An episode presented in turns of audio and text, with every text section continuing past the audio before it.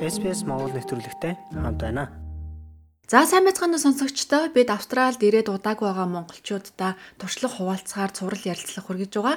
Энэ удаад бид нар Австралид эрүүл мэндийн даатгалыг яаж хийлэгдэг, ямар төлбөртэй байдаг, за үүгээрээ бид нар ямар үйлчилгээг авч болох тухай Австралид 7 жил амьдарсан хүний туршлагыг хуваалцах гэж байна. Манай өнөөдрийн зочин Сидней хотоос Чамка бидэнтэй холбогдож байна. Та бүхэн өмнө манай нэвтрүүлгийг сонссон бол Сиднейд хүүхдээ яаж цэцэрлэх төх болон Сиднейн ээжүүдийн комьюнитийн тухай мэдээллийг өргөж байсан. Харин энэ удаад бид нар эрүүл мэндийн даатгалын тухай ярилцах гэж байна. Австрали улсад амьдарч эхлэх гэж байна уу? Хэрэгтэй мэдээллийг SBS.com.cg юу урагшаа зураас Mongolian хуудасаас хүлээн авах нь. Австралид ирээд даатгалыг бид нар яаж хэлэх вэ? Ер нь дунджаар ямар үнэтэй байдаг вэ? Энэ даатгалаараа бид нар ямар ямар үйлчлэгээ авах боломжтой байдаг вэ? Энэ бол мэдээж маш том асуудал тийм ээ. Хоёлаа гэхдээ дөнгөж ирж байгаа хүмүүст анхан шатны ойлголт өгөх үүднээс товчхон яриул ямар вэ? Сайн ундраа. Өнөөдөр намайг дахин хүлээж авч оролцуулж чад баярлалаа. За өнөөдөр би монголчуудын дунд түгээмэл хэрэглэгддэг Overseas Student Health Cover, Overseas Visitor Health Cover-ын талаар товчхон танилцуулъя гэж бодсон юм аа. Overseas Student Health Cover буюу олон улсын оюутны эрүүл мэндийн даатгал нь студент оюутны 500 визэтэй хүмүүст заавал э, шаардлагатай даатгал байдаг. Энэ э, даатгалыг болохоор анх виз мэдүүлж авах үедээ уучлаад визнийхаа хугацаанаас шалтгаалаад урьдчилаад төлбөрөө нэг дор бүтэн төлсөн байх хэрэгтэй байдаг. За энэ нь дотроо сингл буюу ганц бие, couple буюу хос, тэгээд family буюу гэр бүлийн гэсэн гурван төрөлтэй байгаа. Үүний хувьд бас харьцангуй ялгаатай нэг жилээр сингл даатгал 500 байдаг бахад кабли 2000 а гэр бүлийн даатгалт нь 3000-аас дээш долларын үнэтэй байдаг ба. Family даатгалын онцлог нь хэм бол та нэг хүүхэдтэй нь 10 хүүхэдтэй нь хамаагүй яг бүтэн төлбөрөө төлдөг байгаа. За монголчуудын дунд түгээмэл хэрэглэгдэх даатгалын компаниуд юм бол Bupa, HM, Medibank, NIB гэдэг дөрвөн том компани гэсэн ерөнхийдөө хэрэгэлдэг. Тэгээд тус бүрийн онцлогоос шалтгаалаад үүний хувьд харьцангуй өөр өөр байдаг. Жишээ нь Bupa-гийн даатгалын хувьд бол Family даатгал нь хам харьцангуй бага байхад HM болон NIB даатгалын хувьд single даатгалт нь харьцангуй хэмд үнэтэй байдаг байна. За Overseas Visitor Health Cover-ийн хувьд бол аяллаа 600 а төслийн дараах 485 спонсор 482 болон working holiday 462 визнүүдтэй тохиолдолд Overseas Visitor Health Cover-ыг авах хэрэгтэй байдаг. А харин Overseas Student Health Cover-с ялгаатай юм гэвэл төлбөрөө заавал урьдчил төлөх шаардлагагүй сар сараар төлөөд явах боломжтой байдаг байгаа. А аялын визний хувьд сарын single даатгалын хувьд ярьж байгаа шүү. Сарын 170-аас 200 долларын төлбөртэй байдаг байгаа. А 485, 482, 462 визнүүдийн хувьд сарын 67-оос 100 долларын төлбөртэй байдаг юм байлээ. За даатгалаа хэрхэн ашиглах вэ гэвэл Австралид ирснийхаа дараа даатгалаа идэвхжүүлж карта гэрээ аягаараа захиална. Тэгээд карта авчихсан тохиолдолд бол өөрийн ойр байрлах GP буюу монголоор өрхийн эмнэлэг дээр очиж үйлчилгээ авах шууд авах боломжтой байгаа. Аа тэгээд энэ өрхийн эмнэлгийн харин даатгал үйлчлэх хэсгээ яаж үзэх вэ гэхээр тухайн өөрийнхөө даатгалын компани вебсайтаар нь ороод Find the Doctor гэдэг хэсэг байх хэвээр. Тэндээс нь тухайн даатгалыг шууд төлөгддөг буюу bulk billing GP-г сонгож очивол та зөвхөн даатгалын карта болон өөрийнхөө бусад пассворд ч юм уу тэг ингээд зурагтай бичиг баримтаа үзүүлээд үйлчилгээ үнэгүй эсвэл нэг багахан хэмжээний gap fee төлөөд үйлчлэгээ авах боломжтой байгаа. Маш ойлгомжтой байна. Хоёлаа энэ даатгалын үнийг нэг баримжаалж харахын тулд танаа гэр бүлээр харуул ямар? За хоёр хүүхэдтэй Австралид амьдарч байгаа дундаж ийм гэр бүл ер нь даатгалтаа танах сард хэдийг төлдөг вэ? Аа манайх анх визэ мэдүүлэхдээ болон түүнээс дараагийн визэ сунгах болгондоо даатгалаа визнийхаа хугацаагаар төлдөг. Family даатгалын хувьд нэг хүүхэдтэй нүү 10 хүүхэдтэй нүү хамаагүй яг адилхан төлбөр төлдөг байгаа ерөнхийдөө манайх чи family даатгалаар 4 жилээр виз сонгох үед нэг 12 13 мянга орчим доллар төлчихсэн билүү гэж санаж байна.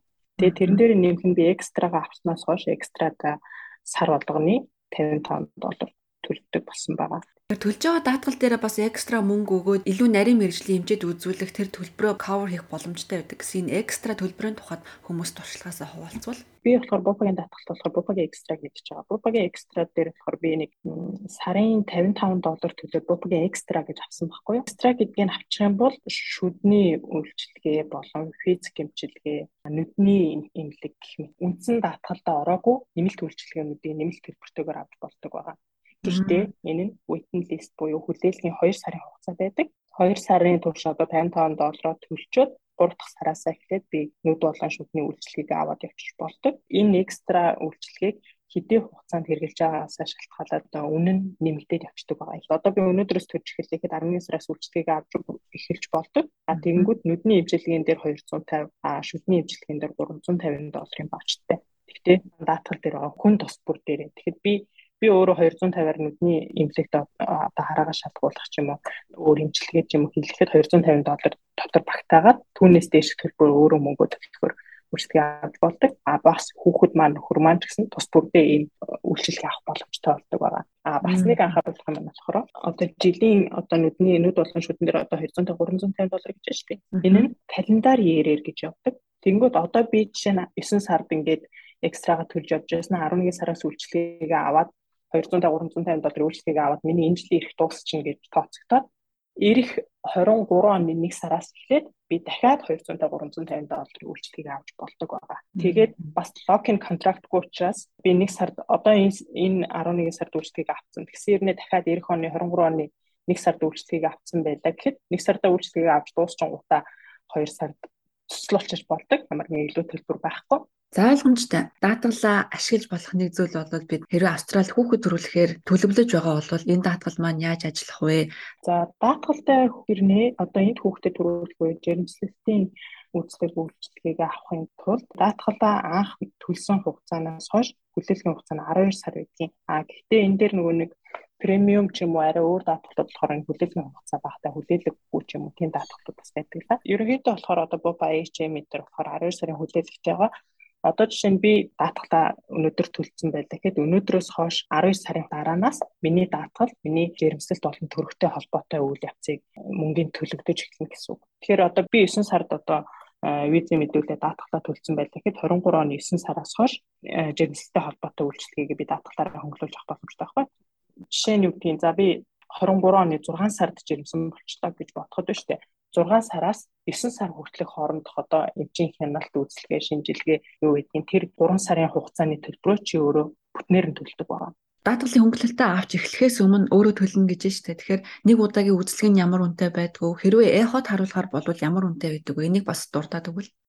Эхоны хувьд ер нь бол нэг 150-аас дээш долларын үнэтэй. Нэг удаагийнхан штэ. Тэгээд тэр midwife-та уулзах уулзалт төр хэмнэлэг дээр midwife-та уулзах уулзалт нь болохоор 153 доллар байдаг байсан. Гэхдээ жил болгон бас нэг 5 10 доллараар нэмэгдээ яваад байдаг. Өөр анх 4 жилийн өмнө намайг яаж хөөж 133 байсан. Тэгээд тэрнээс хойш 5 10-аар нэмэгдээр одоо 153 болсон байлаа.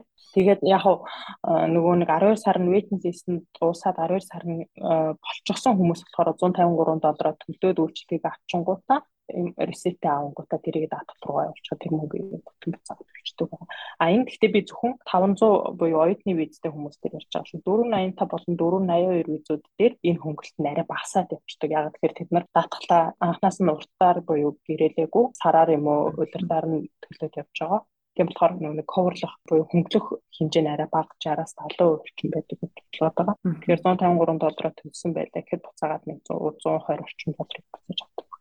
А төрөхтэй холбоотой гэх юм бол төрөх үе эмнэлгийн зардал нь 12 сар болоогүй тохиолдолд улсын эмнэлэг гэхэд хоногийн 1200-аас 1500 доллар гэж тооцдог. Даатгалгүй хүмүүст болохоор энэ бөрөө урьдчилаад депозит буюу одоо ингээд 3 хоногийн мөнгөийг нь хамгийн бага байршуулдаг. Тэнгүүд 3600 доллар орчим одоо байршуулад төрөх эмнэлэгтээ төрөөд одоо ямар нэгэн асуудалгүй ч юм уу те төрөөд одоо нөгөө би сайтай ч юм уу те нэг элдв асуудалгүй тийм хүмүүс өглөөний төрөд оройн гарах ч юм уу өглөө нь өнөөдөр төрчөөд маргааш нь юм гарах боломжтой байдаг. Тэгэнгүүт нэг хоногийнхоо мөнгийг 1200-аас 1500 доллар асуулчаад бүрдээлх мөнгө буцаагаад авчиж болдог байна. Энэ гэхдээ би 10 нөгөө нэг 12 сарын waiting list нь хүрээгүй одоо өөрөө мөнгөө төлж байгаа хүмүүс ярьж байгаа шүү. Харин waiting list нь болчихсон тохиолдолд төрөх хэмжээний бүх зардлыг нь даатгалаас нь төлдөг байна. Тэгээд зарим хүмүүс болохоор нөгөө даатгалын компаниас гэрээр нөгөө одоо ресипт нэрдэг байхгүй. Тэгээд тэрэн дээр энэ хоногийн 1200 доллар ээж дээр болон нера дээр бусд нь 1200 1200 доллар төлөгдсөн гэж тийм инвойс ирд юм билээ. Даатгал бүрэн төлж байгаа гэдгийг нэг тодруулаад асууя.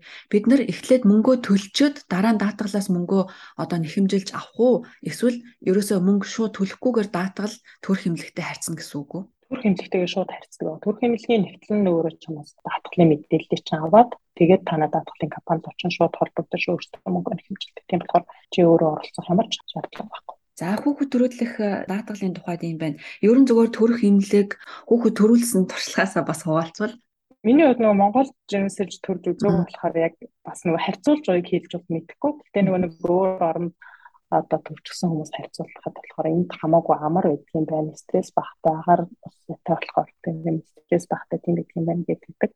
Аа бас нэг сонин сонирхолтой болохоор Монголд ч нөгөө нэг эмчийн хаа хяналтанд ороод нэг үзлэгтэй ороод үзлэг болгон дээр эхот харуулт юм билээ шүү дээ. Бараг нэг жирэмсэлтэй хугацаанд бараг 10-аад удаа эхот харуулдаг гэсэн багхгүй юу. Энд болохоор тэгдэггүй. Хоёр л удаа эхот хардаг. Хамгийн анх жирэмсэн боллоо гэдгийг мэдэх үедээ нэг эхот харуулдаг. Тэрний дараа нөгөө ургийн гажиг тодорхойлохоор бас нэг хардаг. А хэрвээ хүсвэл одоо нөгөө хүүхдийнхаа царайг нь харъя би юуг нь харъя гэх юм бол скан хийлгээд зургийг хавуулдаг тийм эхонод гадаад байдаг. Тэд нар нь болохоор 300-аас 400 доллар. За төрх эмнэлгийн тухайд хоёлаа ярилцвал ямар вэ? Төрүүлж байгаа тэр эмчнэрийн хувьд орчин нөхцөл үйлчилгээ ер нь ямар байсан бэ? Би зүгээр улсын улсын эмнэлэг төрж байгаа шүү дээ. Тэгэхэд төрж байгаа одоо нэг ихэд нэг өрөө дангаараа байдаг. Бүх одоо шовер 0 болон кичний area бүх юм багтсан. Тэгээ нэг том байгаа тийм нэг өрөөнд нэгэд эмэлтэй төрдөг. Энд бас нэг сонирхолтой хувилбар гэх юм а тэр нь болохоор нэг вананд төрж болдог. Усан татар гэсэн үг шүү дээ. Тэгэхдээ тэрийгээ захиал захиалдаг midwife-та анханасаа захиалдаг. Би ванад төр шүү гэдгээ захиалдаг. Тэгэнгүүт нөгөө бүр том устай 2-оос 3 өний том ван усын бэлтээ тавьчихсан байдаг. Тэгээд одоо дуншаад хэлсэн эмнэлэг рүүгээ очих болсон үедээ за миний бааныг бэлтээрээ би одоо очиж шүү төрөө шүү гэж яаж болдог аа. Эндээ нэмэлт төлбөр төлдөг үү? Үгүй үндсэн үнэндээ л орчихсон байгаа. Ямар ч нэмэлт төлбөр байхгүй. Үндсэн үнэндээ буюу одоо чиний даатгал чинь бүх мөнгө чинь төлж байгаа гэсэн үг байна харин нөгөө хувьяасаа мөнгөө депозита байршуулад төрж байгаа хүмүүс дээр нэмэлт гардаг байж магадгүй. За баярлалаа Чимка Австрали шинээр ирж байгаа хүмүүст олон хэрэгтэй мэдээллийг хуваалцлаа. За бид энэ удаад Австралийн эрүүл мэндийн даатгал нь яаж ажилтдаг, ямар төлбөртэй байдаг, за мөн хэрвээ энэ хүүхэд төрүүлэхээр төлөвлөж байгаа хүмүүс яаж ашиглаж болох тухай мэдээллийг хүргэлээ. Цаг цаг гаргаж ярилцсан маш баярлалаа Чимка. Баярлалаа. Тэсэн хөнгөрүүлээрэй. За чи ч гэсэн баяр та. SBS Монгол хэлээр бидний нэвтрүүлгийг Facebook сошиал хуудасаар бусдаа хуваалцаарай.